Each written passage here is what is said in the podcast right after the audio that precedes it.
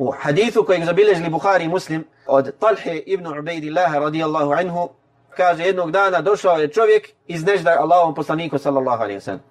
Kaže, yusma'u daviju sautihi wala nafqahu ma yakul. Čujemo buku, čuje se njegov glas, ali ne razumijemo, ne razumijemo šta govori. Kaže, sve dok nije prišao Allahom poslaniku sallallahu alaihi wa sallam. Iz daleka počeo da galami.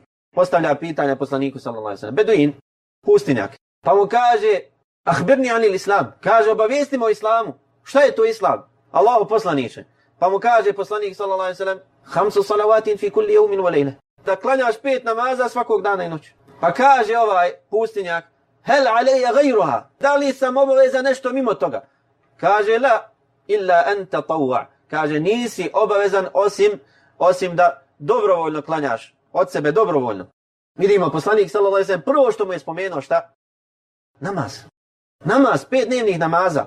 Nakon toga ga je poslanik sallallahu alejhi ve sellem obavijestio o zekatu, o postu, pa je ovaj čovjek rekao: "Wallahi la azidu ala hada wala anqus." Tako mi Allaha, neću ništa više od ovog uradit, niti ću umanjiti od ovog što mi je spomenuo poslanik sallallahu alejhi ve sellem. I otišao je čovjek.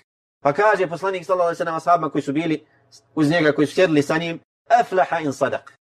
Uspio je ako je istinu rekao. Ako ispuni to što je rekao, uspio je. U drugom rivajetu, dehala il dženneta in sada. Ući će u džennet ako je, ako je istinu rekao.